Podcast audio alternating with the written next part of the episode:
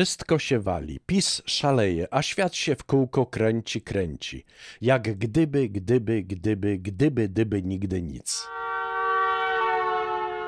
Prasówka tygodniówka pod redakcją Tamary Olszewskiej. 24-30 stycznia 2022 roku. Czyta Piotr Sobieski. Priorytetem Morawieckiego w minionym tygodniu był udział w szczycie partii prawicowych, w tym i tych ostro nacjonalistycznych w Madrycie. Liderzy byli tak mili, że nawet podpisali się pod deklaracją potępiającą rosyjską aktywność na wschodzie, poza oczywiście panią Le Pen, która twardo stoi po stronie Putina. Przy okazji zjechali też równo Unię Europejską oraz USA, których polityka zupełnie im nie leży. Premier jest cały happy, że zafundował Polsce takich kumpli, ale sorki, mnie taka przyjaźń nie rusza. Na pochybel z tym towarzystwem. Pani Nowak, kuratorka Małopolska, nie odpuszcza.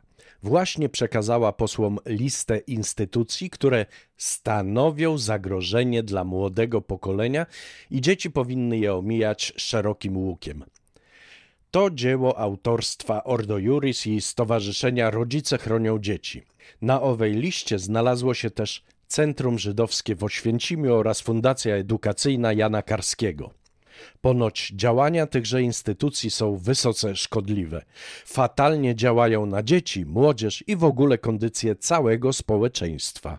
No i co najważniejsze, są sprzeczne z przepisami polskiego prawa. Szok. Polskie wojsko pod rządami PiSu ma przerąbane. W ramach podwyższania jakości bojowej zaopatrzono już żołnierzy w wadliwe hełmy, oddziały WOD w jakieś azjatyckie kompasy, a od lat biedacy musieli chodzić w kiepskim obuwiu, niespełniającym podstawowych wymogów. Ale to nie koniec. Kolejny gniot to lekkie pojazdy opancerzone LPU-1 wirus, które wsparły naszych wojaków na granicy z Białorusią. Psujące się silniczki wycieraczek i użycie do ich produkcji kiepskich materiałów spowodowało, że zamiast z wozów korzystać, trzeba je wciąż naprawiać. No to faktycznie Polska stoi dzisiaj siłą oręża. A właściwie to leży, a nie stoi. Agencje ratingowe z uwagą przyglądają się Polsce i nie ukrywają, że blokada środków z Unii Europejskiej to ogromny problem. Za utrzymujący się konflikt z Unią zapłacimy naszą wiarygodnością oraz wypłacalnością. Już niemiecka agencja Scope Rating obniżyła perspektywę dla Polski ze stabilnej na negatywną.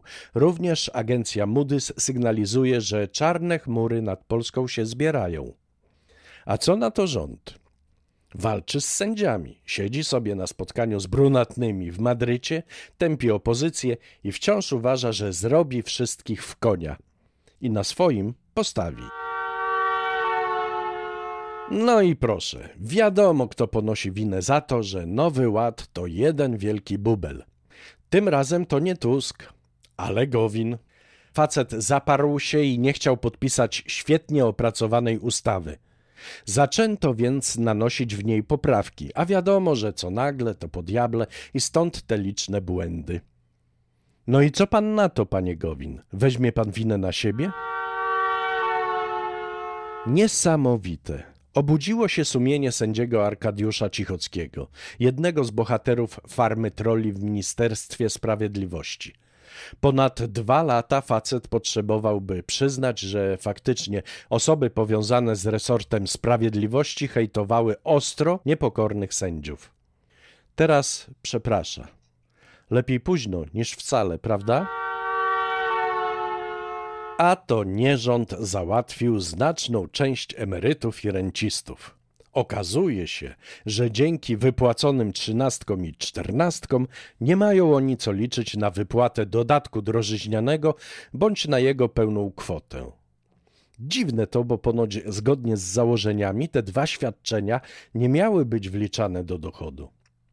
No cóż, nie rząd wyliczył sobie, że koszt dodatku osłonowego będzie zbyt duży, więc co tam wcześniejsze ustalenia prawne. Ktoś czekał na suchara? Dzień dobry, przeprowadzam ankietę telefoniczną a propos preferencji politycznych Polaków.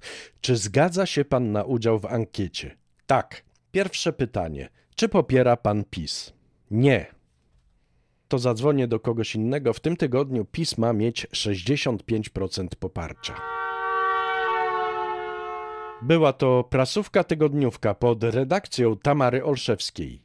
Czytał Piotr Sobieski. Do usłyszenia.